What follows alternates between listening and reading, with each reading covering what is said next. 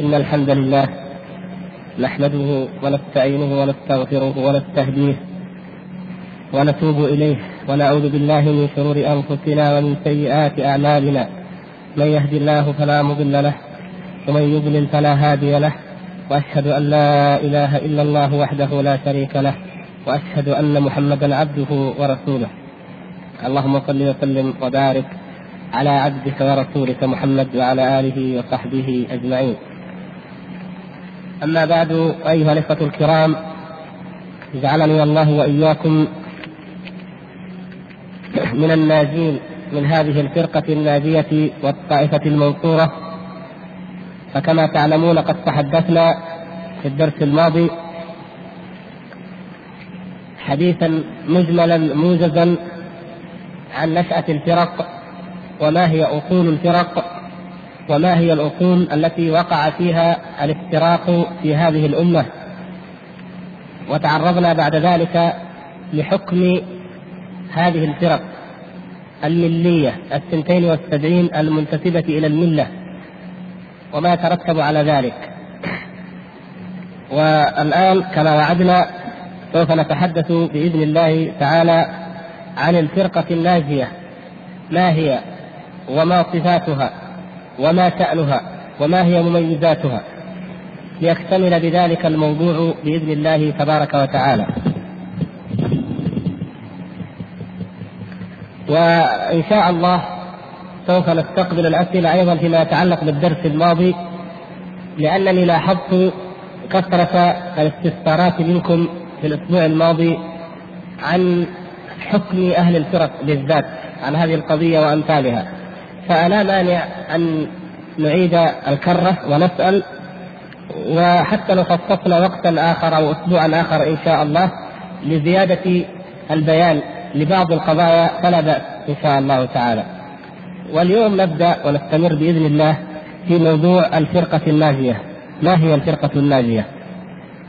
وكما تعلمون في الروايات التي موجودة عندكم في المتن وما هي إلا بعض من الروايات لأن الحديث روي من طرق وروايات كثيرة.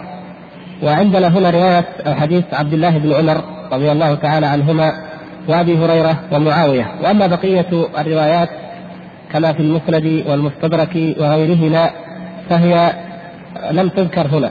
لكن المذكور عندنا هنا تعريف النبي صلى الله عليه وسلم لها بتعريفين. في رواية الترمذي عن عبد الله بن عمر يقول صلى الله عليه وسلم قالوا من هي يا رسول الله؟ قال ما أنا عليه وأصحابي. هذا التعريف الأول الذي به نعرف حقيقة الفرقة الناجية ما هي صفاتها أو مميزاتها وحقيقتها؟ ما أنا عليه وأصحابي. والرواية الأخرى وهي رواية معاوية بن أبي سفيان رضي الله تعالى عنه التي أخرجها الإمام أحمد والدارمي وغيرهما وهي قال صلى الله عليه وسلم وهي الجماعة. الجماعة. ويكفينا أن نعرف معنى ما أنا عليه وأصحابي ومعنى الجماعة ما حقيقة ذلك لنعرف بالفعل ما هي حقيقة الفرقة الناجية.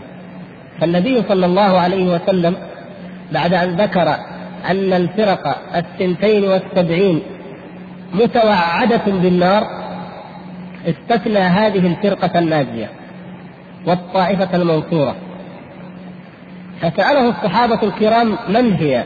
ما هي؟ فقال ما أنا عليه وأصحابي أو قال الجماعة ونسيما أن رواية الجماعة هي صحيحة بذاتها يعني سندها بذاته. بخلاف الرواية الأولى فإنها بمجموع الروايات. والمقصود أن أن المعنى واحد. الجماعة تعادل ما أنا عليه وأصحابي. المعنى واحد. وهذه تؤيد تلك وهذه توضح معنى تلك.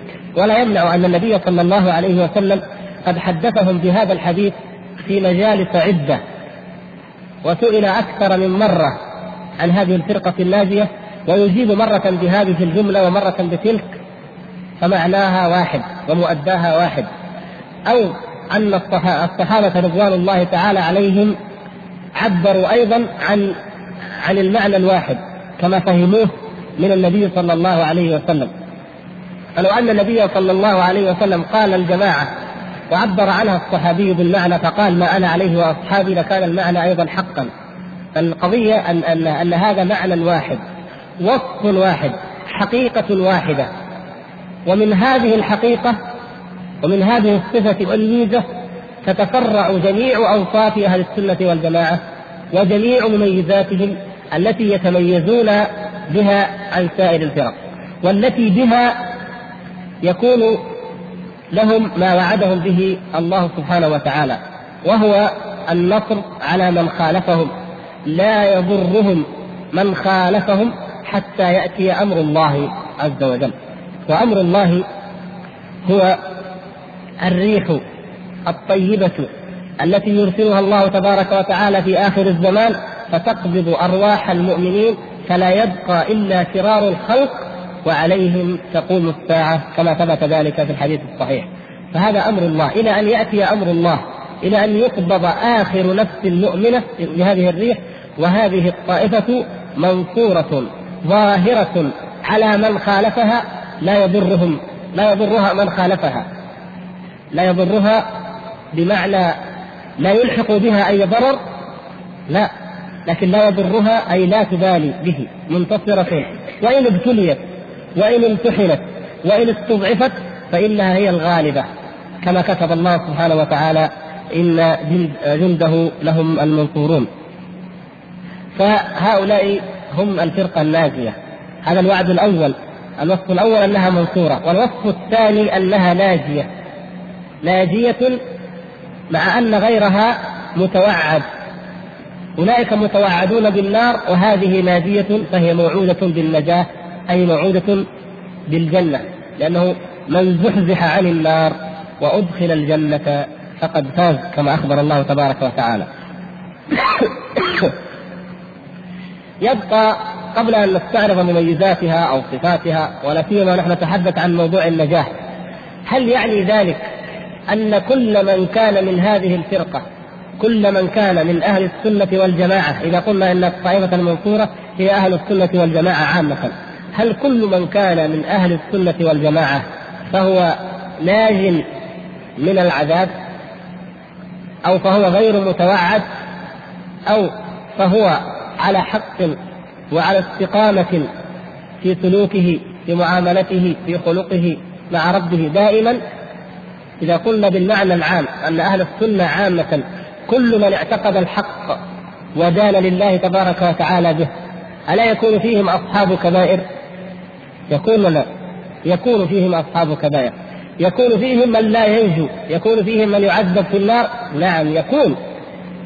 لكن النجاة هنا لكن النجاة هنا مبنية على ماذا؟ النجاة من البدع من الأهواء من الضلال ولا لا تعني عدم الوقوع في الكبائر أو المعاصي وما يترتب على ذلك من العقوبة فمن أهل السنة من هو حقا من أهل السنة في العقيدة ولكن قد يزني قد يسرق قد يشرب الخمر فيعذب بها قد يصر على كبيرة فيعذب بها مع أنه من أهل التوحيد ومن أهل السنة لكن ليس من أهل الأهواء والضلالات والبدع. اذا النجاة هنا هي في هذا الباب في باب الاعتقاد فهم ناجون أي منهجهم هذا منهج نجاة ينجو من تمسك به. ولا يعني ذلك أن أحدهم لو ارتكب موبقة فإنه لا يحاسب عليها. نقول هذا لأمرين. الأول حتى يعلم أهل السنة أنه يجب عليهم أن يطبقوا دين الله أجمع ويلتزموا أوامره وحدوده جميعا ويستقيموا على أمره مع السنة ومع الاستقامة في العقيدة. والأمر الآخر حتى لا يأتي أهل البدع. فيشككون أهل السنة. يقولون أنتم تزعمون أنكم فرقة ناجية وطائفة منصورة والآن انظروا فيكم من يشرب الخمر وفيكم من يزني وفيكم من يفعل. فهل هذا فعل الناجين؟ فإذا يقولون إذا هذا فعل الهالكين. إذا فليس صحيحا ما تقولون من أن أهل السنة هم الفرقة الناجية وأهل البدع فيهم أهل عبادة وفيهم أهل جهاد وفيهم أهل ذكر. فلو قارنا بين أهل الذكر والعبادة والدعوة والأمر بالمعروف والنهي عن المنكر من أهل البدعة وبين أهل الخمر والزنا والفجور من أهل السنة لبدت الموازنة غير صحيحة. فيقول كيف يكون هؤلاء متوعدون بالهلاك ويكون هؤلاء موعودون بالنجاة؟ كيف يكون هؤلاء متوعدين ويكون هؤلاء موعودين؟ وهذا حال هؤلاء وهذا حال هؤلاء. فنقول لا النجاة والهلاك هنا بحسب الاعتقاد. أما ما يقع من أهل السنة والجماعة فكما قال شيخ الإسلام ابن تيمية رحمه الله وكما هو الواقع كل خير عند أهل البدعة ففي أهل السنة والجماعة مثله وأكثر منه.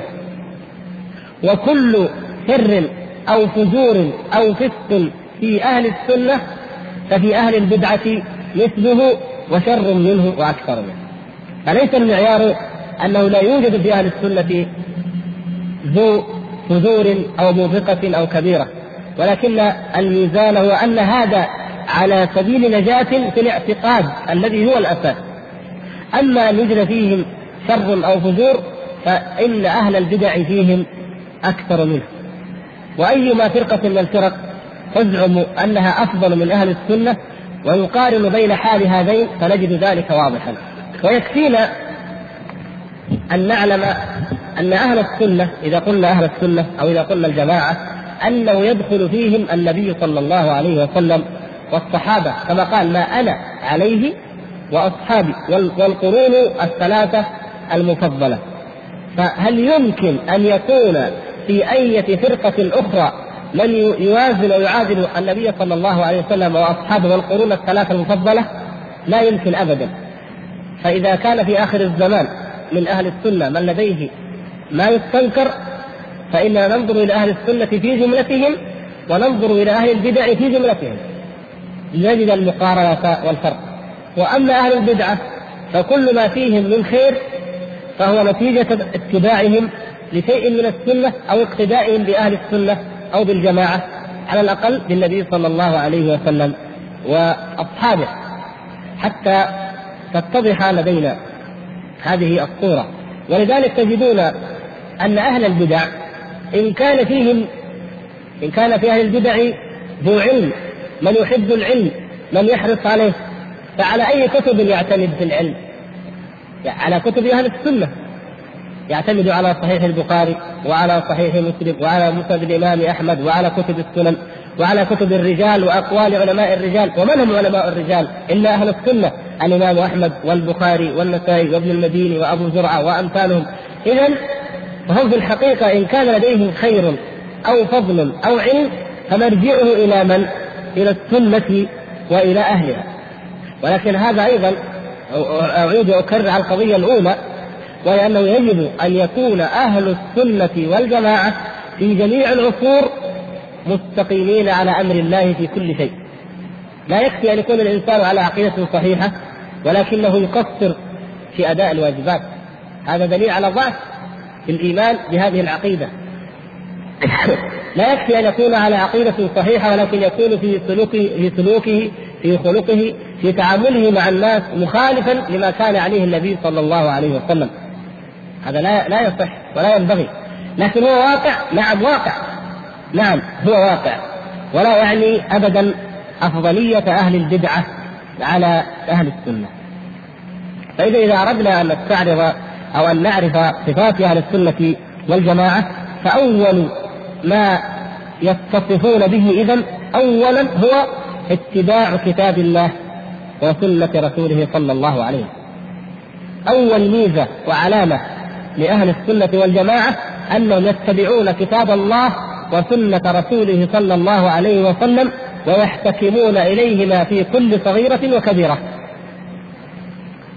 في الواقع تقع الأخطاء نعم لكنهم من حيث الاعتقاد ومن حيث الالتزام لا يلتزمون إلا بذلك. ولهذا فهم لا يقدمون على الكتاب والسنة لا رأيا ولا عقلا ولا ذوقا ولا كشفا كما يقول أهل البدع والضلال ولا قول إمام ولا قول شيخ ولا قول أحد ولا رأي أحد كائنا من كان إنما يتبعون كتاب الله وسنة رسوله صلى الله عليه وسلم ويقدمونها على كل على قول كل أحد حتى على أهوائهم وعلى آرائهم وعلى أنفسهم وما تشتهي. ومن نتيجة لذلك نجد أن أهل السنة والجماعة في جميع العصور يهتمون بالكتاب والسنة لأن هذا هو الذي يرجعون إليه ويتبعونه فيهتمون بكتاب الله حفظا تلاوه تفسيرا تطبيقا واقامه لحدوده ويهتمون بسنة النبي صلى الله عليه وسلم تصحيحا وتضعيفا ومعرفة وتطبيقا للسنن وإقامة لها. فهذا حالهم وهذا شأنهم وهذه أعظم ميزة يتميزون بها عن جميع الطوائف وعلى سائر الفرق. ولو, ولو كما كما قلت لو نظرنا إلى كل الجهود التي بذلت لخدمة الكتاب والسنة ولا سيما في علم الحديث لوجدنا أن الفضل الأكبر واليد الطولى في ذلك هي بعد توفيق الله سبحانه وتعالى هي لمن؟ لأهل السنة. حتى من خدمها من أهل البدعة من خدم السنة من أهل البدع أو أصحاب الآراء والضلالات فإن ذلك كان نعمة عليه. أن أشغله الله سبحانه وتعالى بالسنة ولو اشتغل بغيرها لكان أبعد عن الدين. ولكن اشتغاله بالسنة مع ما لديه من الهوى يجعل درجته ومنزلته في برزخ بين أهل البدعة المحضة وبين أهل السنة المحضة. والأمر الثاني وهو تابع أو جزء من الأول من مميزات أهل السنة والجماعة أنهم يحاربون البدعة أنهم لا يبتدعون بل ويحاربون البدعة في الدين ايا كانت. فهم لا يبتدعون هذا معلوم لديهم. ويحاربون البدعة حتى لو أن البدعة فعلها من فعلها بقصد حسن ولم يكن قصده الابتداع لكن البدعة تحارب لأنها بدعة ولأنها تنقص من قيمة الاتباع من الاتباع الذي هو الأساس الأول لكي يكونوا فعلا جماعة وكما كان عليه النبي صلى الله عليه وسلم وأصحابه. ولهذا نجدهم في كل زمان ومكان هم الآمرين بالمعروف والناهين عن المنكر المتصدين للبدع قديمها وحديثها وهذا من أعظم ما يميزهم وهم عندما يدافعون عن السنة عندما يحاربون البدعة ويردون البدع والضلالات إنما يفعلون ذلك محافظة على الأصل العظيم الذي يجب أن يرجع إليه المسلمون جميعا وهو الكتاب والسنة. والاستقامة عليهما. ولهذا نجد أهل السنة والجماعة وهذا من أعظم مميزاتهم وهو فرع عما ذكرنا أيضا الميزة الثالثة أن أهل السنة والجماعة يؤمنون بالكتاب كله ويدخلون في الدين كله كما أمر الله تبارك وتعالى ادخلوا في السلم كافة والسلم هو الإسلام هو الدين. ندخل فيه كافة أي فيه كله حتى يكون الدين كله لله. ندخل فيه كلنا نعم هذا احتمال. والآخر ندخل فيه كله وهذا كلاهما حق وكلاهما مطلوب. أن يدخل الناس كلهم في الدين كله ويأخذونه من جميع جوانبه. أن يأخذوه من جميع جوانبه. فأهل السنة والجماعة لا يبطلون شيئا من الدين ليقيموا بعضا آخر أو شيئا آخر نجد أهل البدع مثلا الخوارج يأخذون من النصوص ما يدل على أي شيء ها؟ على الوعد ولا الوعيد؟ الخوارج يأخذون النصوص الدالة على الوعيد وعلى العقوبة لأهل الكبائر وعلى شناعة وفظاعة الذنوب. لكن يتركون جانب الوعد. جاءت المرجئة فأخذت جانب الوعد وأظهرته وأبرزته وتركت وأهملت جانب الوعيد. اذا أهل البدع يقيمون شيئا من الدين ويتركون أو يهدمون شيئا أو بعضا آخر. أهل السنة والجماعة يأخذون بأحاديث الوعيد أو آياته وكذلك بنصوص الوعد ويجمعون بينها جميعا ويؤمنون بها جميعا. فإذا هم يؤمنون بالدين كله ولا يردون بعضه ليقيموا بعضه نأتي إلى مبحث القدر. القدر أهل السنة والجماعة كما تعلمون منهجهم. هم وسط بين هؤلاء وهؤلاء. ماذا يفعل القدرية في, القدر؟ أخذوا بالنصوص الدالة على أي شيء؟ القدرية. على أن العبد هو الفاعل وهو المسؤول عما عمل. كل نص يدل على مسؤولية العبد ومؤاخذته على أعماله يأخذ به القدرية ويبرزونه ويشهره لكنهم تركوا النصوص الكثيرة العظيمة الدالة على أن الله تبارك وتعالى قدر أفعال العباد وكتبها وخلقها يتركونها. جاءت الجبرية فأخذوا بالنصوص الدالة على أن على أي شيء؟ ها. يعني غلوا أيوه. ما في نصوص ما في نصوص دالة على أن العبد مجبور التي فيها نعم غلوا إذا هم إيش؟ غلوا وبالغوا الجبرية في إثبات القدر وفي إثبات أن الله سبحانه وتعالى هو الذي يخلق افعال العباد.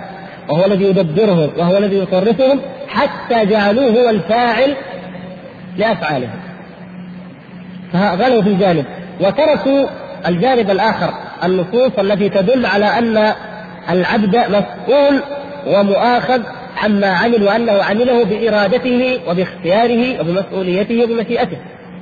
هكذا حقا. مثلا نأخذ مثال ثالث الصحابة الموقف من الصحابة رضوان الله تعالى عليهم. أهل السنة والجماعة يثبتون فضائل الصحابة جميعا. كل ما صح من فضائل أبي بكر وعمر وعثمان وعلي وغيرهم أثبتوه. لكن ماذا يفعل الروافض مثلا؟ يبالغون فقط في في نعم في علي وآل البيت فقط ويختلطون لهم الفضائل ويغمطون ويجحدون وينكرون ما ثبت من فضائل لأبي بكر وعمر وعثمان رضي الله تعالى عنهم. قام نصر من الخوارج فجحدوا كل فضيلة لعلي رضي الله تعالى عنه وكفروه وأنكروا نصوصا صحيحة في ذلك. أهل السنة والجماعة كل ذلك آمنوا به والحمد لله. المهم أن يصح ذلك إلى النبي صلى الله عليه وسلم فآمنوا بالجميع. إذا هم في هذا من أعظم صفاتهم ومميزاتهم الإيمان بالدين كله. فلا يردون شيئا منه ولا يبطلون أي شيء آخر. نأخذ مثال آخر؟ الصفات. أه. أيوه. النفاة نعم. يعني الذين نفوا الصفات أخذوا بأي شيء من الدين؟ لا خلنا ما نتكلم عن فرق. في الجملة. الذين في الجملة نفوا الصفات. أخذوا بأي شيء؟ أيوة التنزيه. قالوا نحن ننزه الله. ليس كمثله شيء. إذا ما دام ليس كمثله شيء فلا نثبت له لا يد ولا وجه ولا نزول ولا علو. ليش؟ قالوا ليس كمثله شيء يا أخي. هذه من خصائص من صفات المخلوق المحدثات الممكنات إلى آخر ما يقولون. فأخذوا بجانب التنزيه وأنكروا النصوص الدالة على الإثبات. والممثلة أو المشبهة باي شيء اخذوا مثل ما قلنا في الجبريه يعني غلوا في إثبات نصوص الصفات ولكن تركوا في المقابل تركوا النصوص الدالة على التنزيه أهل السنة والجماعة آمنوا بالجميع ليس كمثله شيء وهو السميع البصير. نعم ليس كمثله شيء هذا جزء لكن جزء آخر وهو السميع البصير. إذا يثبتون لله الصفات وينفون عنه المماثلة. إذا منهج متوازن يؤمن بالدين كله ولا يرد شيئا منه ولا يرد بعضا منه.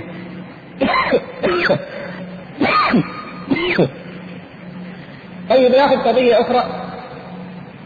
ما هي من أمور العقيدة؟ من أمور السلوك. ليست من أمور الاعتقاد لكن من أمور العمل.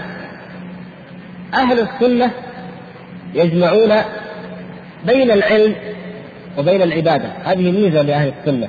فتجدهم العالم من أهل السنة عالم وفي نفس الوقت هو عابد زاهد. والأئمة المتقدمون أوضح مثال لذلك. إذا قلنا الصحابة أو التابعون لا شك في ذلك ولا يخالف أحد لكن أيضا حتى أئمة السنة. نأخذ الإمام أحمد شيخ الإسلام ابن تيمية ابن كثير ابن رجب غيرهم من أئمة السلف. نجد أنهم أئمة علماء وفي نفس الوقت عباد زهاد. فجمعوا بين العلم وبين العبادة. لكن أهل البدع إما أن يكون لديهم علم وفقه ومعرفة بالأحكام ولكن مع ضعف في الإيمان نسأل الله العفو والعافية مع فساد العقيدة لا يكون لديهم العبادة والخشوع والإخلاص لله سبحانه وتعالى والزهد في الدنيا. وإما أن يكون فيهم العباد والذاكرون والزهاد ولكن على غير علم. هكذا. ينقطع في الفيافي وفي البراري ويمشي ويتعبد ويذكر وكذا وكذا. لكن أين العلم؟ ليس لديه علم. ولو بالأمور التي يجب أن أن يعلمها الناس من أمور الحلال والحرام وأحكام العبادات البدهية. لا يعلمها. إذا أهل السنة حتى في هذا.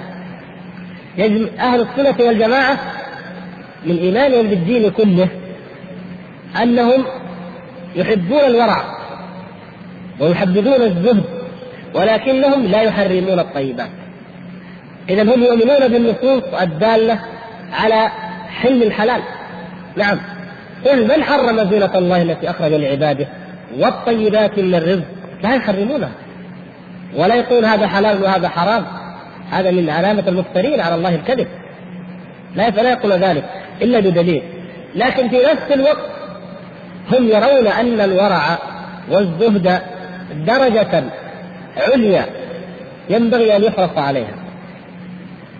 أما أهل البدع فهم بين غارق في الدنيا وفي الشهوات وفي المناصب وحريص عليها كما كان أئمة الاعتزال والرفض فيما مضى يحرصون أن يكونوا وزراء ويتملكون الأغنياء ويتقربون إلى الأمراء والوزراء دائما. هذه هذا شأنهم. أو إن لم يفعلوا فإنهم يتركون الدنيا ويزهدون فيها ولكن هل يكتفون بالزهد فيها؟ لا. ينتقدون ويلومون ويذمون الذين يتمتعون بالطيبات. وهذا خطأ وهذا خطأ. ليس هذا بصحيح ولا هذا. وهذه قضية تدل على فساد الاعتقاد هذه نفسها وإن كانت في السلوك في الممارسة لكنها تدل على فساد الاعتقاد. كان من أئمة الصوفية الكبار والعجيب أن هذه الظاهرة موجودة أينما وجد التصوف موجودة لتعلموا فساد هذا المنهج. الصوفي في ذاته يتكلم كثيرا عن الدنيا وكراهية الدنيا والتنفير من الدنيا وطاغوت الدنيا فتقول هذا الرجل ما شاء الله. ولكن لو رأيت من يحرص أن يكون له معه علاقة يحرص أن تكون علاقته ومعرفته وصلته بمن؟ بالتجار بالأمراء بالوزراء بالأغنياء أصحاب الجاه شيء عجيب جدا وكانه هو شخصيته تختفي في الظل لكن هذه الأشياء يستغلها ويستفيدها عن طريق علاقات مع الناس. أنت تدعو إلى إلى ترك الدنيا تبالغ إلى حد غير ما شرع الله ومع ذلك أين جلساؤك من من أهل الدنيا؟ جلساؤه من كبار الاثرياء والأغنياء أين علاقاتك مع المساكين مع الضعفاء؟ لا تجد عند كثير جدا ممن يدعون التصوف وكلما ولي خليفة جديد أو سلطان جديد تملقوا إليه وتقربوا إليه إذا أين أين ما يدعون إليه من الزهد؟ لكن مع ذلك يحرمون الطيبات كيف كيف نجمع بين هذا وهذا؟ حتى نعرف يا أخوان أن فساد العقيدة والخلل في النظرة يؤدي إلى الخلل حتى في الممارسة وفي التطبيق والسلوك. بخلاف ما لو كانت العقيدة صحيحة. لو أنهم يعتقدون أن هذه الدنيا ما يسمونها الدنيا أنها حلال. إلا إلا الجانب الحرام هذا شيء آخر. لكن في الحلال يبقى حلالا. وما بعد ذلك؟ الورع درجة ومنزلة. يكون يكون هذا موافقا للحق ويكون سلوكهم وفق ذلك فيعلمون أن درجة من تركها وهو وهو يملكها أفضل ممن يبتعد عنها ونفسه معلقة بها وبأصحابها وبأهلها. لا هذا لو كان تاجرا من أهل الدنيا فعلا وصاحب مال وتاجرا ويقيم الصلوات ويؤدي الواجبات ويخرج الزكاة كان خيرا من أن يكون شيخا وصاحب طريقة وينفر الناس من الدنيا وهو يتبلغ ذلك التاجر ويحرص على العلاقات الطيبة معه. هذا هذا الأول خير من ذلك. فيعني شمول الإسلام وتكامله يتميز ويظهر جليا في أخلاق وصفات أهل السنة والجماعة. نحن نقولها لا باعتبار أنها بالضرورة هي الواقع لكن يجب أن تكون كذلك يا إخوان. لا يكفي نقول هذا أهل السنة إذا نحن كذلك. بل نقول لنعلم أننا إذا قلنا إننا من أهل السنة يجب أن نكون نحن كذلك بإذن الله سبحانه وتعالى. وإلا لا يجوز أن ندعو إلى شيء ونعمل بخلافه نسأل الله العفو والعافية. هناك ميزة أخرى تميز أهل السنة والجماعة وفطن لها وذكرها كثير من السلف بعد أن ظهرت الفرق.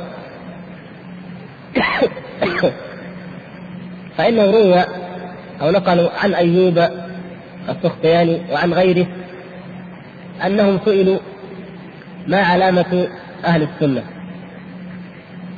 أناس يريدون أن يعرفوا من هم أهل السنة. ما علامة أهل السنة؟ ما آيتهم؟ ما صفتهم؟ قال الذين ليس لهم اسم إلا السنة. يعني أهل السنة ما لهم اسم مسمى يتميزون به عن سائر المسلمين.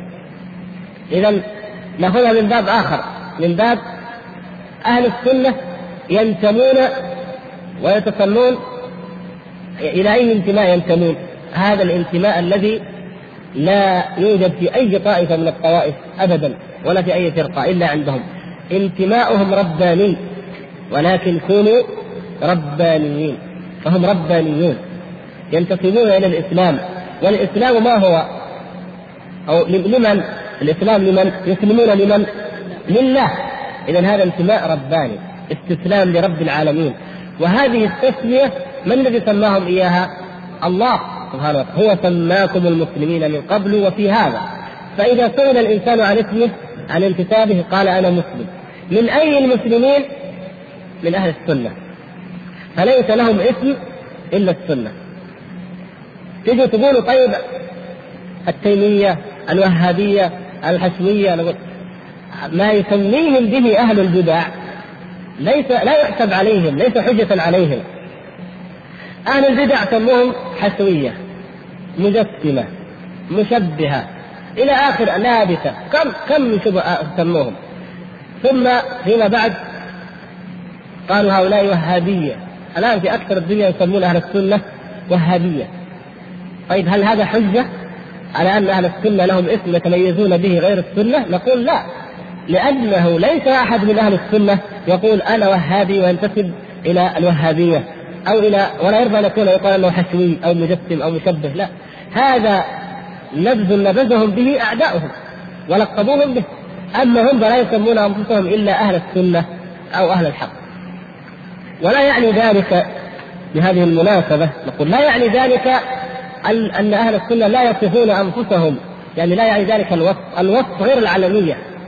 فلو أن بعض أهل السنة في بلد أو مكان من البلدان سموا أو سموا أنفسهم مثلا أهل الحق أو أهل الدعوة مثلا أو أهل الإيمان أو أي اسم أو أو سموا بالنسبة إلى الإقليم أو صار السنة مثلا أو إقليم الأقاليم سموا لهم مثلا أهل الشام وأهل كذا هذه أوصاف هذه الأوصاف لا غضاضة فيها إنما الذي لا يفعله أهل السنة هو ماذا؟ هو أن يجعلوا لأنفسهم علما يعرفون به غير السنة ويوالون ويعادون فيه ويعتبرون كل من كان خارجه ليس على الحق. هذا لا يوجد إلا عند أهل البدع. أهل البدع كما يقولون في المثل الذي أصبح مثلا سعديا. أصبح هذا مثل سعدي عند الناس. كل شيخ له طريقة. حتى الناس العاديين تكلمهم في قضية من قضايا الدنيا يقول لك كل شيخ له طريقه، إيش قصده؟ يعني أنت لك رأيك وأنا لي راي، هو الواقع كذا، الواقع أن أهل البدع فرقوا الدين وفرقوا الأمة وفرقوا الانتماء حتى صار كل شيخ له طريقه. فيقول لك أنت أنا مسلم، طيب مسلم إيش؟ لازم تقول له. لأنك إيش؟ طيب أنا أقول أنا صوفي، صوفي طيب. لازم تحدد. قادري ولا تيجاني ولا نقشبندي ولا ختمي ولا مرغني. لازم تحدد. إذا ما حددت ما يعتبرك قلت شيء. يعني الموالاة والمعاداة ما هي واضحة حتى تحدد.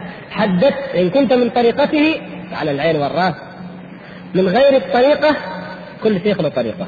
لا أنا منك ولا أنت مني. نسأل الله العفو والعافية. فانتماء أهل السنة والجماعة واسمهم هو السنة والإسلام. وهذا من أعظم ما يميزهم عن غيرهم. ولهذا أهل السنة والجماعة هم أحرص الفرق على جمع كلمة المسلمين. لا يوجد فرقة ولا طائفة تحرص على جمع كلمة المسلمين كأهل السنة والجماعة لأنهم هم الذين ينتمون هذا الانتماء ويتسمون بهذا الاسم العام الواضح. فكل مسلم في الدنيا هو منهم ومعهم ما دام على طاعة الله حتى يظهر منه بدعة. هل يستطيع الآن أي شيعي أن يقول أن فلان شيعي إلا إذا تأكد لديه أنه شيعي وأظهر أنه شيعي؟ هل يستطيع أحد أن يقول إن هؤلاء الناس معتزلة؟ ما يستطيع إلا إذا تأكد أو أظهروا أو كتبوا أو قالوا إننا معتزلة مثلا. لكن أهل السنة كل من كان على الإسلام وعلى الحق فتقول هؤلاء من أهل السنة نعم حتى يظهر خلاف ذلك. إذا هؤلاء على الأصل والحمد لله الذي عليه المسلمون جميعا. والصحابة رضوان الله تعالى عليهم كانوا كلهم كذلك لم يكن فيهم لا خارجي ولا صوفي ولا شيعي ولا كلهم اسمهم المسلمون. ثم لما حدثت الفتنة وافترقت الأمة ظهرت هذه الأسماء جانبية. فإذا قيل الشيعة يعرف أنهم شيء خارج عن هذا الكيان الذي هو أهل السنة الذي هو الجماعة. إذا قيل الخوارج فهو جزء خارج عن هذا الكيان وهكذا. فيبقى أهل السنة إذا هم أحرص الناس على جمع كلمة المسلمين. لأنهم لا لا يدعون إلا إلى الكتاب والسنة. فإذا قال الإنسان أنا طريقتي كذا أو أنا مذهبي كذا اسأله هذه الطريقة وهذا المذهب من أين مأخوذة؟ يقول من الكتاب والسنة. بغض النظر عن كونه صادقا أو كاذبا لكن هو يقول إن طريقتنا هذه من الكتاب ومن السنة. إذا نحن ندعو إلى الكتاب والسنة. فأيا كان مذهبه أو طريقته فنحن إذا ندعوه إلى ما هو مقر بأنه هو الأصل الكتاب والسنة. ونحن واثقون أن الكتاب والسنة هو كذا. إذا من هي الفرقة التي فعلا تحرص على جمع المسلمين جميعا وعلى توحيد صفوفهم جميعا؟ هي أهل السنة لأنها تدعو إلى ما يجتمع عليه جميع المسلمين على اختلاف طوائفهم وفرقهم. لكن واحد نأخذ المذاهب وهي أخف المذاهب كما قلنا ليست فرق. لاننا أنا أذكر وأوضح هذه النقطة. التفرق غير الفرق. التفرق والاختلاف يكون يعني دائرة أوسع من دائرة الفرق. الفرق الاعتقادية هذه الثنتين والسبعين هذه فرق ضلالة وبدعة. أما التفرق فإنه يكون والاختلاف يكون حتى بين أهل السنة. نحن منهيون عن الاختلاف وعن التفرق. يعني حتى لو كانوا أهل سنه في مسجد واحد في بلد واحد منهيون عن الاختلاف والتفرق. وهذا غير الافتراق الذي هو أن يكون الإنسان على شعبة من شعب الضلالة السنتين والسبعين هذه. يعني الباب باب التفرق آه، أعم من باب الافتراق الذي هو الافتراق في الدين وانتهاز فرقة من فرق الضلالة. إيش كنا فيه؟ موضوع. المذاهب نعم. المذاهب أعم المذاهب ليست كالفرق الثنتين والسبعين لكن فيها تفرق نعم فيها تفرق فإذا جينا قلنا واحد يدعو الأمة الإسلامية إلى أن تكون على مذهب الإمام أبي حنيفة رضي الله عنه هل ستوافقه الأمة الإسلامية على ذلك؟ ليش؟ والشافعي؟ إيش ذنبه؟ كل واحد يقول يقول إمامنا إمامنا إمامنا، ليش؟ لماذا أبو حنيفة؟ لكن إذا دعا إلى اتباع النبي صلى الله عليه وسلم من يستطيع أن يقف ويقول لا فلان أفضل لا أحد. نعم يفعلون. إذا فعلوا حكموا على أنفسهم بأنهم من أهل البدع من أهل الهوى. في في في ايمانهم بشهادة أن محمدا رسول الله ضعف أو نقص أو قد يكون اضمحلال إذا فعلوا ذلك. لكن إذا جاء إذا قلت أنا أدعو إلى أبي حنيفة قال ذاك أنا أدعو إلى الشافعي. هذا مبتدع؟ ليش مبتدع؟ هو يدعو إلى مثل ما تدعو إليه. فإذا كان مبتدع فأنت أيضا مبتدع.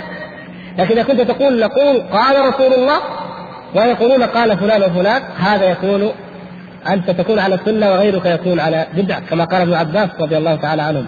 يوشك أن تنزل عليكم حجارة من السماء. أقول قال رسول الله صلى الله عليه وسلم. وتقولون قال أبو بكر وعمر لا يمكن أبدا لمسلم أن يقارن قول النبي صلى الله عليه وسلم بقول أحد. فإذا إذا قالوا نريد المذهب الفلاني تتوحد عليه الأمة لا يا أخي الأمة تتوحد على الكتاب والسنة. اذا احرص الطوائف والفرق على جمع كلمة المسلمين وعلى توحيدهم والتي تعمل عملا واقعيا حقيقيا لجمع كلمة المسلمين ووحدتهم هي أهل السنة والجماعة. طيب إذا جاءكم واحد قال لا أهل السنة يفرقون لأنه نكون في بلد واحد كلنا على طريقة من الطرق الصوفية مثلا وبدل ما نحارب الأعداء أو الاستعمار والشيوعيه يجوا هذول أهل السنة يفرقونا. يحطوا فينا سلفي وخلفي. يحطوا فينا سني وبدعي. اذا هؤلاء يفرقونا. يقولوا هذا الكلام ولا لا؟ يقولون يقول لا. هؤلاء اناس جاءوكم وأنتم كلكم مفترقون عن عن الطريق المستقيم. فدعوكم إلى الله فمنكم من عاد الطريق المستقيم ومنكم من بقي مفترقا عنه. ما هو أنهم فرقوكم؟ كلكم كنتم فرقة واحدة. بعيد بعيدة عن الصراط المستقيم. فإذا دعوكم إلى الله واستجاب من استجاب فقد أصبح على الطريق المستقيم. اذا هذا هذا ليس من من التفرق. هذا من الفرقان. هذا من الفرقان. الله سبحانه وتعالى سمى القرآن الفرقان وسمى يوم بدر يوم الفرقان. الفرقان غير التفرق كما يزعمون. النبي صلى الله عليه وسلم يشكو كفار قريش منه قالوا إنه فرق بين الآباء والأبناء وقطع الأرحام. نقرهم على ذلك؟ لا. هل كان النبي صلى الله عليه وسلم مفرقا؟ لا. وإنما كان فرقانا. كان فرقانا صلى الله عليه وسلم. فمن آمن به صلى الله عليه وسلم نعم انقطعت صلته بذلك الكافر. هذا حق. لكنه فرقان. انقطعت صلة أهل الإيمان والنور والخير بأهل الشرك والضلال والشر. إذا هذا فرقان وليس تفرق. نعم النبي صلى الله عليه وسلم كما أمره ربه عز وجل حين قال له وقاتل بمن أطاعك من عصاك. صحيح. يوم بدر يأتي الابن ويقتل أباه أو يقاتله والأخ ويقتل أو يقاتل أخاه. هذا هذا تفريق. لكن في الحقيقة هو فرقان وليس تفريقا ولا قطعا للأرحام بل الله سبحانه وتعالى هو الذي دمهم وعادهم لأنهم يقطعون أرحامهم. ولو كانوا يقولون الرحم هم ما حصروا النبي صلى الله عليه وسلم في الشعب وما ألجأوهم إلى الهجرة إلى الحبشة وهم منهم وأبنائهم وأرحامهم لأنهم قالوا لا إله إلا الله ووحدوا الله وآمنوا بالله. إذا الذين يقطعون الرحم هم هم المجرمون هم المشركون. والذين يفرقون المسلمين هم الذين يمنعون الفرقان أن يكون في الأرض ليتميز أهل الخير والحق والهدى من أهل الشر والباطل والضلال. فلا بد من الفرقان ولا بد من الميزان ولا بد أن تستبين سبيل المجرمين. وإلا لا تكون الأمة مجتمعة. اجتماعها على الباطل أضر شيء عليها. ولا يسمى هذا اجتماعا. ولكن خير منه بل الواجب أن تفترق إلى أهل حق وإلى أهل باطل. يجب أن يكونوا جميعا من أهل الحق. فإن لم يكن ذلك إما واقعا وإما سنة من سنن الله عز وجل فالافتراق اذا إلى أهل حق وإلى أهل باطل أمر لا بد منه. ومن علامات أخي على طريق الحق هنا منتصف الشريف جميع العصور أنهم يأمرون بالمعروف وينهون عن المنكر. لا ننسى هذا يا إخوان. لم يوجد أبدا لا في عهد النبي صلى الله عليه وسلم ولا من بعده. عالم من علماء السنة لا يأمر بالمعروف ولا ينهى عن المنكر ولا يدعو إلى الله أبدا. ومهما كان لدى الإنسان من علم إذا كان لا يحرص على الدعوة والأمر بالمعروف والنهي عن المنكر فإن ذلك دليل على أن في تمسكه بالسنة أو ادعائه لها فيه خلل فيه نقص فيه تهمة. لا يوجد أبدا. لأن هذا ما أمر الله به وهذا ما شرعه ماذا قال الله سبحانه وتعالى لنبيه محمد صلى الله عليه وسلم؟ قل هذه سبيلي أدعو إلى الله على بصيرة. أنا ومن اتبعني. وسبحان الله وما أنا من المشركين. كيف يكون من أهل السنة؟ وأهل السنة هم أتباع النبي صلى الله عليه وسلم وهو لا يدعو إلى الله. وإن كان علمه كائنا ما كان. لا يمكن أن يكون فعلا من أهل السنة.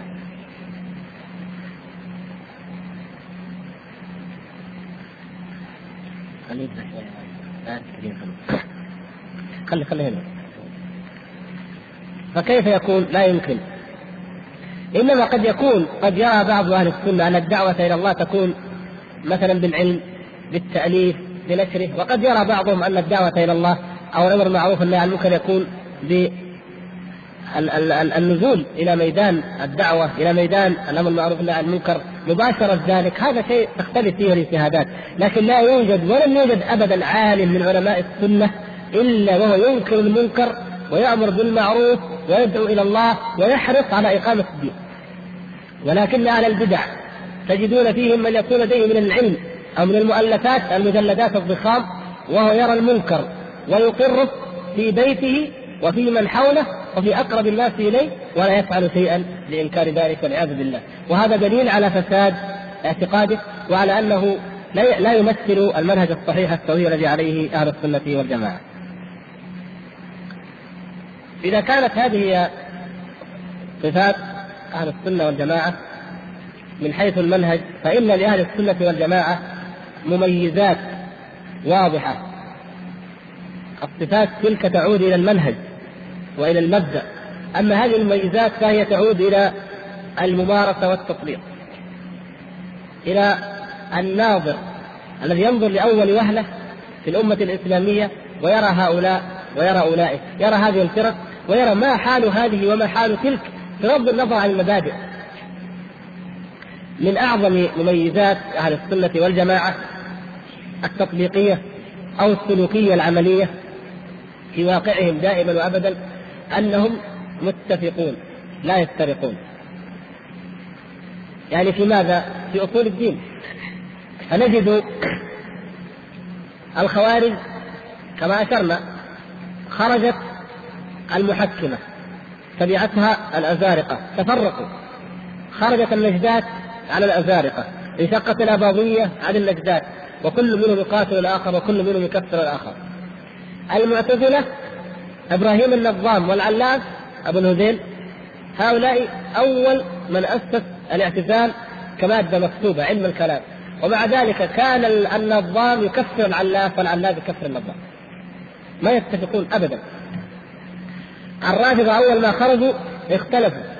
السبعية والكيسانية والزيدية وفلان وفلان حتى صاروا شذر مذر وكل فرقة من الروافض ومن الشيعة تقول هذا إمامنا. مثلا بعضهم يرى أن الامامه انتقلت في ذرية زيد، بعضهم يقول في ذرية جعفر، بعضهم يقول فلان، حتى لما وقع وقعت المشكلة الفاصلة التي فرقتهم تفريقا لا رجعة فيه. لما مات امامهم الحادي عشر العسكري لما مات مات الإمام الحادي عشر. طيب الامامه عندهم كيف تنتقل؟ بالتناسل بالتوارث. يعني لابد أن يكون هذا ابن هذا وهذا أبو هذا. لا يمكن يكون أخوه ولا عمه ابدا. إنما هكذا التناسل مات وهو لم يعقب وليس له ولد. وقعت المصيبة. المذهب كله الآن باطل تماما. لأنهم يجعلون ركن الدين الأساس والأعظم معرفة الإمام.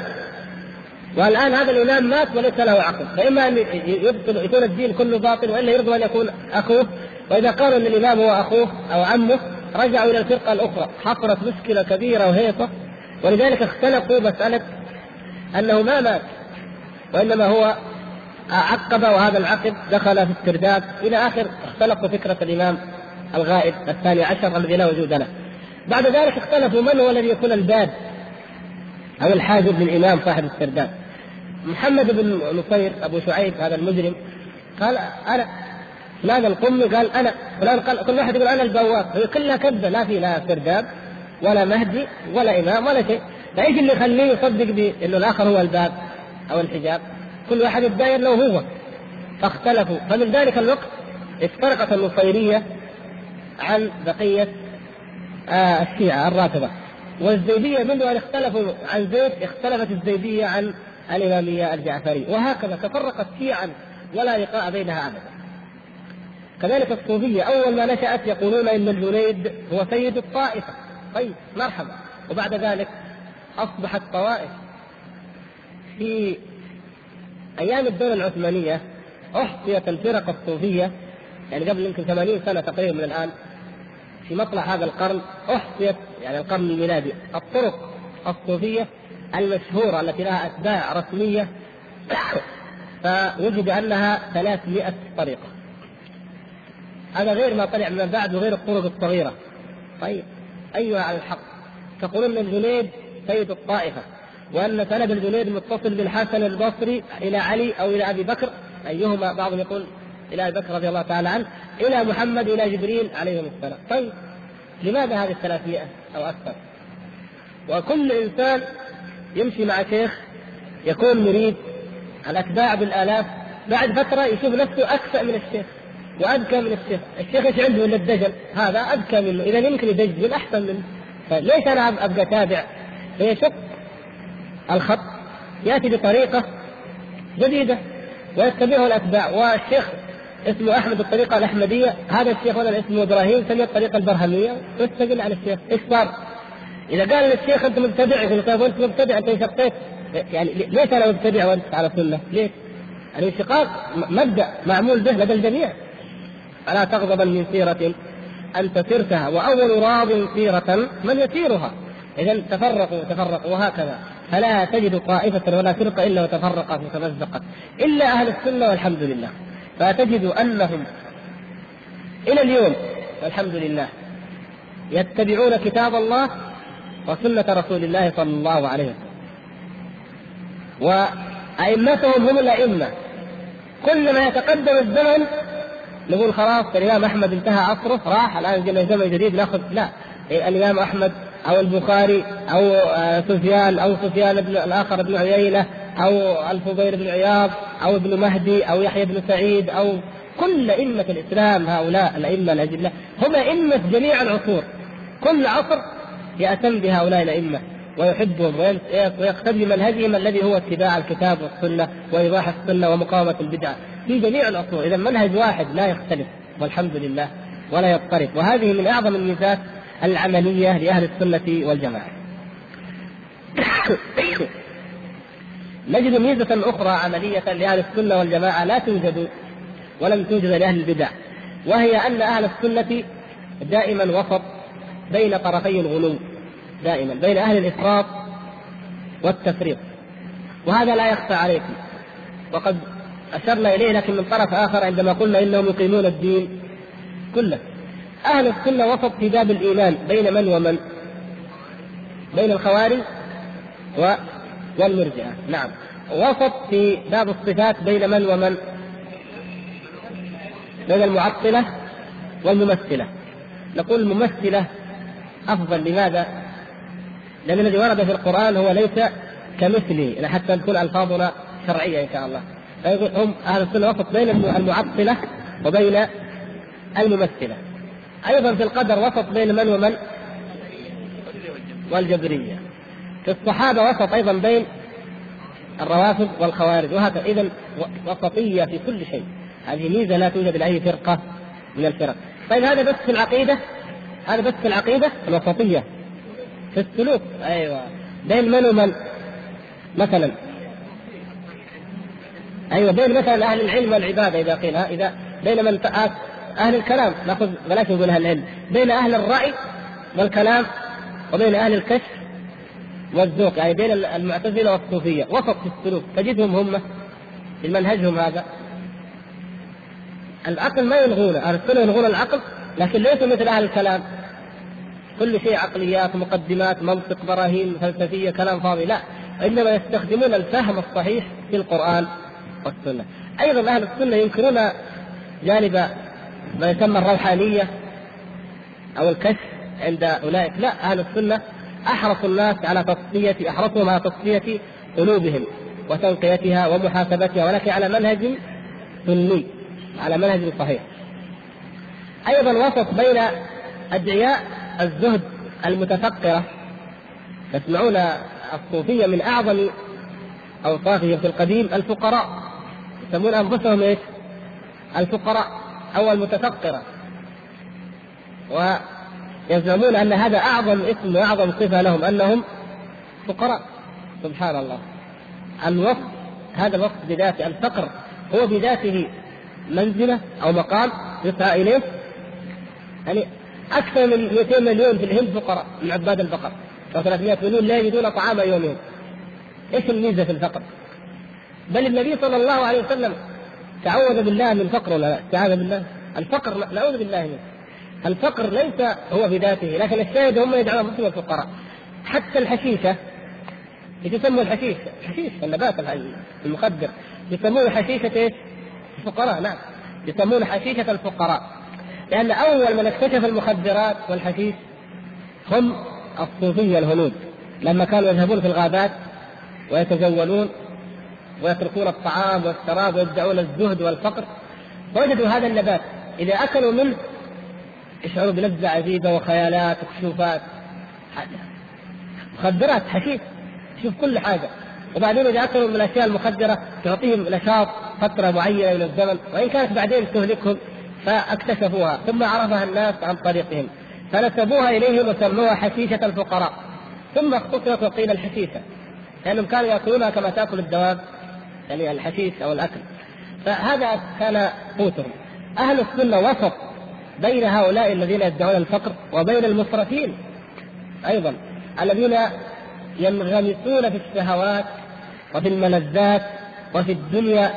فإذا دخلت بيت أحدهم تكاد تنسى أن هنالك دارا آخرة وأن هنالك جنة.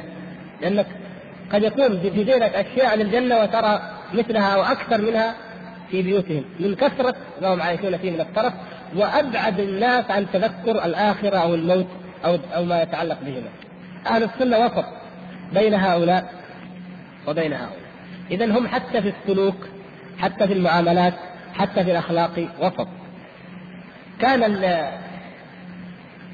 المسيح عليه السلام ينسب إليه كما في الاناجيل أن دينه دين المحبة والسلام والعفو والصفح ولذلك نجد انه مثلا هذا أخذها كثير من الصوفية هذه.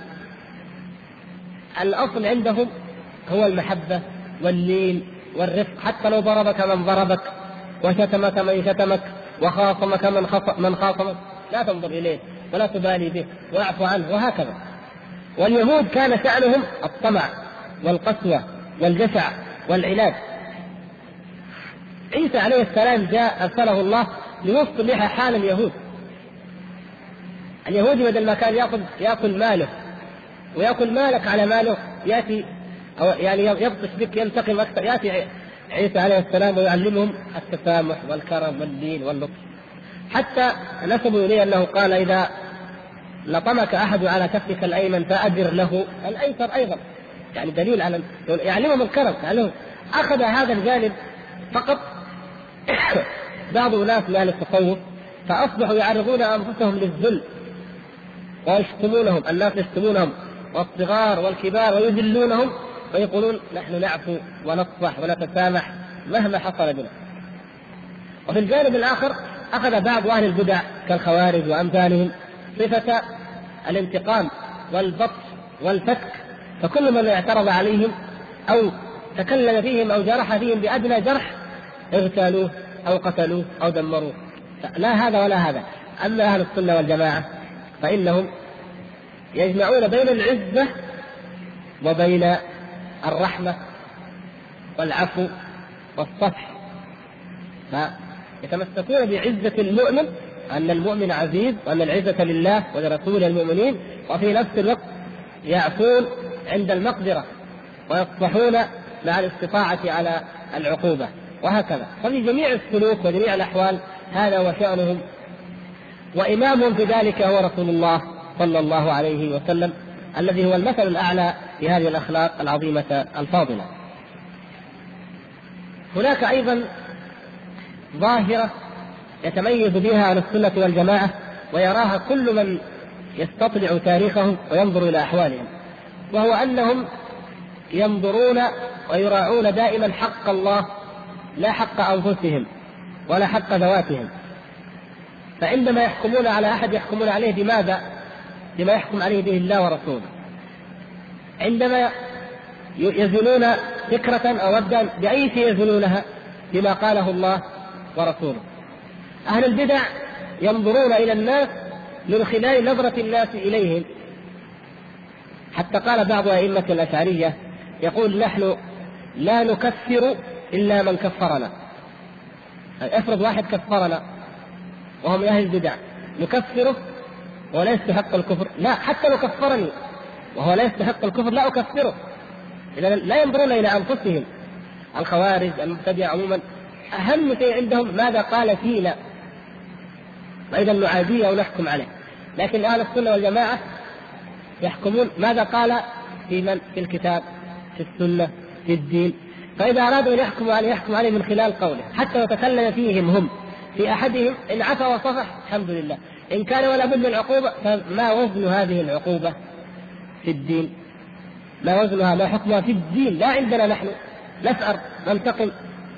لا هذا ليس ليست هذه من صفات ولا من أخلاق أهل السنة والجماعة. فهم يراعون أحكام الله ويراعون حدود الله ويلتزمون بذلك ولا ينظرون إلى البشر كائنا من كان مهما خالفهم أو اتبعهم أو وافقهم أو أحبهم فيزنونه دائما بميزان الإسلام والإنصاف. ولهذا تجدون الأئمة الكبار جدا من أئمة أهل السنة والجماعة المقتدى بهم المجمع على جلالة منزلتهم في العلم والتمسك. تجدون لو أخطأوا في حديث قالوا أخطأ في حديث. لو قال لو قال إن رجل ضعيف ويرى أحد أهل السنة أنه ثقة قال ثقة أو قال إنه ثقة والآخر يرى أنه ضعيف قال ضعيف لأن الأحكام دائما تصدر عن غرض هو إيش؟ ما يتعلق بالله بهذا الدين بميزان الدين بميزان الحق لا بميزان الرجال والأهواء وكذلك وهذه ذكرنا بالقضية التي تعرضنا لها من قبل وهي قضية إيش؟ الانتماء أهل السنة والجماعة من العلامات التي تميزهم في كل زمان ومكان أنهم لا يعظمون شخصا غير رسول الله صلى الله عليه وسلم فينتسبون إليه يعني لو أن احدا لو فرضنا أنه مستشرق يريد أن يتبع يتتبع أهل السنة من هم؟ هل هم الذين يسمون أنفسهم مثلا الحنابلة أو وهابية أو تيمية أو لا يجد ذلك ابدا يعني هذا كمظهر ظاهرة واضحة لديهم أنهم لا يعظمون شخصا أو رجلا أو كائنا من كان فينتسبون إليه. بخلاف كل الفرق الأخرى. إذا قلنا مثلا الأشعرية نسبة إلى ابي الحسن الأشعري. طيب المعتزلة نسبة إلى صفة وصف وهو اعتزال واصل بن عطاء وعمر بن عبيد. طيب الشيعة غاية ما يقولونه هم الشيعة على بانفسهم أننا شيعة علي. يعني وهم كاذبون طبعا تعرفون كذبهم أنهم شيعة عبد الله بن سبأ في الحقيقة. لكن نفرض أنهم يعني على حق أنهم شيعة من؟ شيعة علي. أين من ينتسب إلى علي؟ ممن ينتسب إلى رسول الله صلى الله عليه وسلم إلى الإسلام في ذاته.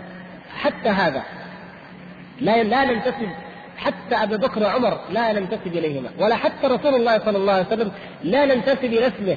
فنقول محمديون. إنما نقول مسلمون. لأنه دين الرسول صلى الله عليه وسلم دعانا إلى دين الإسلام وهو نبي ورسول الإسلام الذي هو دين الأنبياء جميعا من قبل. لكن الفرق الطوائف الأخرى القادرية نسبه إلى من؟ عبد القادر الجيلاني نقشبندية؟ شاه نقشبند مثلا. ختميه فلان كذا. أي فرقة تجي نسبه إلى شخص إلى مبدأ؟ إذا قلنا الوعيدية نسبة إلى الوعيد. مثلا القدرية نسبة إلى نفي القدر إلى أي شيء جانب معين لكن أهل السنة نسبتهم انتسابهم رباني ينتسبون إلى الإسلام ويجمعهم أنهم مسلمون وأنهم على الإسلام وأنهم على سنة الرسول صلى الله عليه وسلم.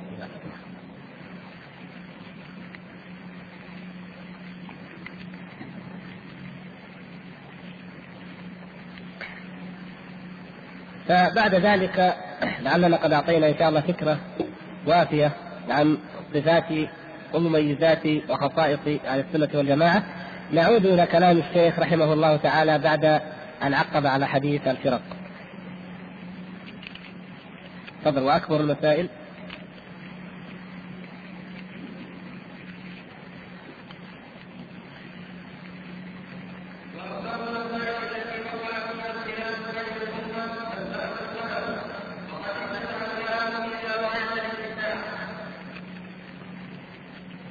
هذه القضية تحتاج إلى تعقيد. أظن لا يخفى عليكم.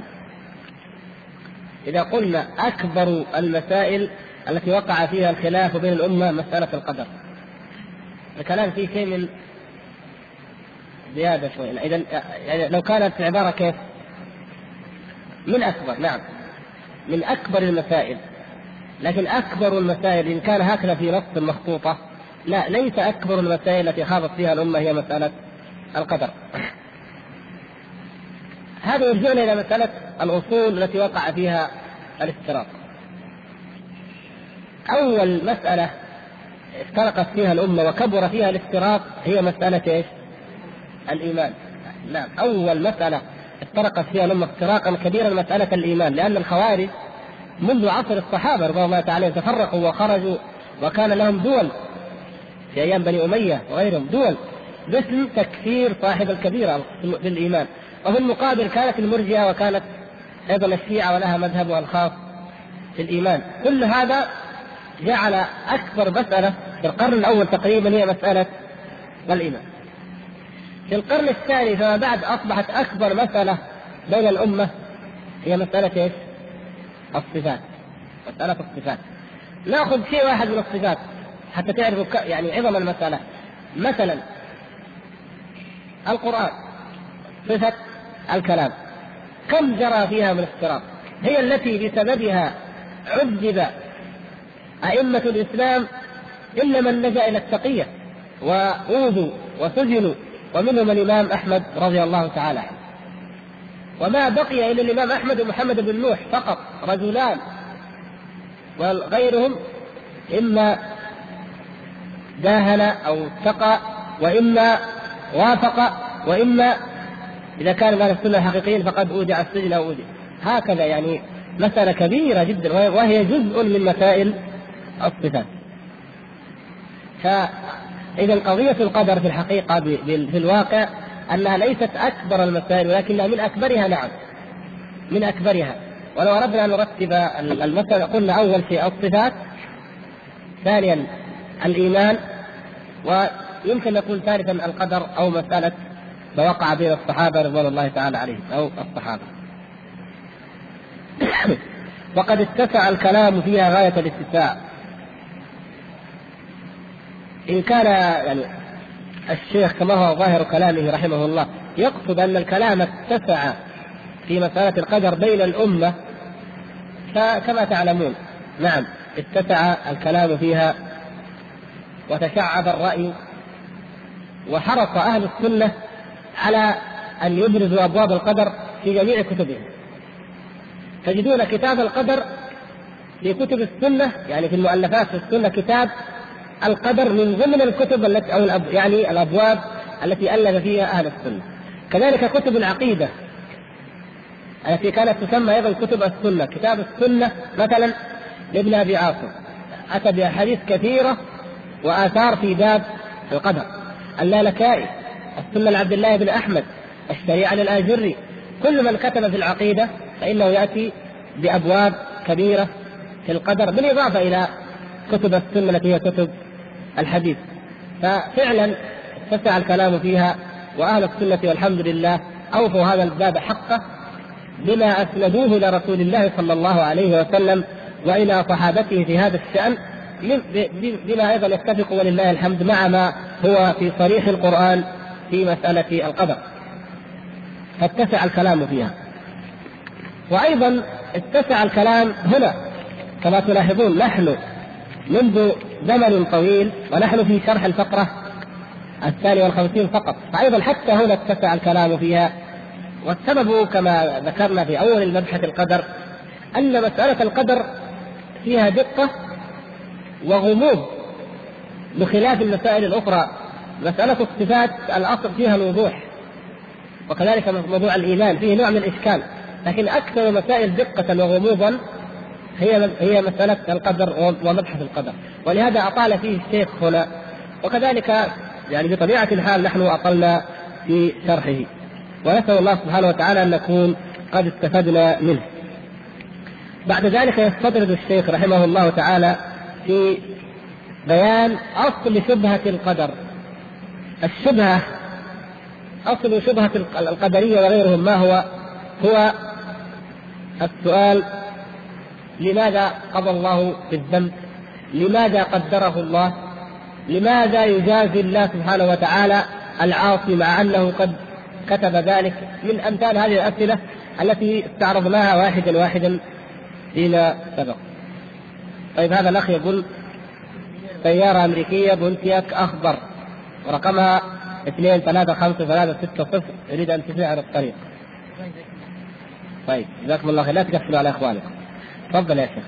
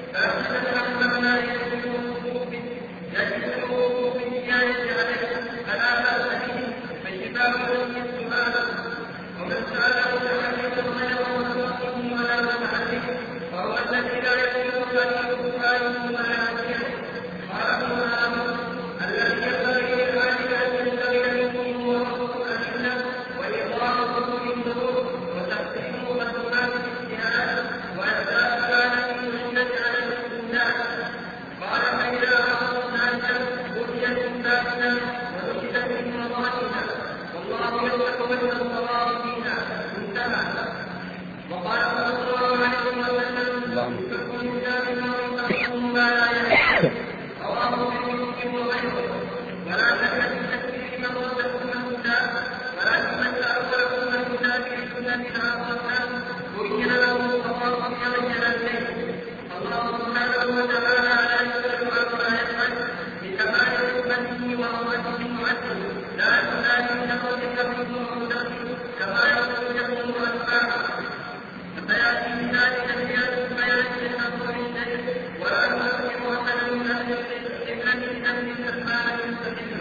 لم يستحل أحسنت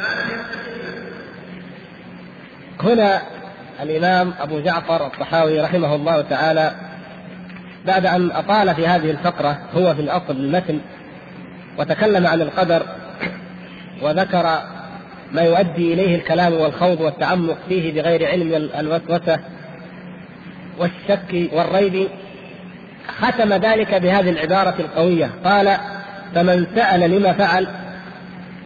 فقد رد حكم الكتاب ومن رد حكم الكتاب كان من الكافرين. إذا هنا قضية مهمة أن من سأل لما فعل فقد رد حكم الكتاب. إذا مسألة السؤال هل نسأل لما فعل الله سبحانه وتعالى كذا أو لا نسأل؟ هذه قضية. والقضية الأخرى هل من سأل لما فعل الله كذا أو لما لم يفعل كذا؟ يكون من الكافرين لأن الشيخ هنا حكم بأنه من الكافرين. فهذه هاتان قضيتان مهمتان. تطرق إليهما وإن كان يعني الشارح لما تطرق إليهما أحال بالنسبة للقضية الأخرى أحال إلى إلى باب وإلى مبحث التكفير أي مسألة التكفير هل هو من الكافرين أم لا؟ ولكن أجمل في الجواب. أما ما يتعلق بالسؤال عن الحكمة وعن العلة فذكره الشيخ هنا ليبين كما قلنا لماذا يسأل. لأن أكثر الذين ظلوا في باب القدر ظلوا من باب السؤال أو الجواب عن السؤال. يعني إما إنسان جاءته الشبهة فذهب يسأل كيف يقدر الله علي هذا الشيء؟ مثلا ثم يعاقبني كيف جعل الله فلان مهتديا؟ وجعل فلانا كافرا كيف كيف لماذا فعل الله؟ لماذا؟ يعني هذه الوساوس التي تأتي إلى القلب الخاوي.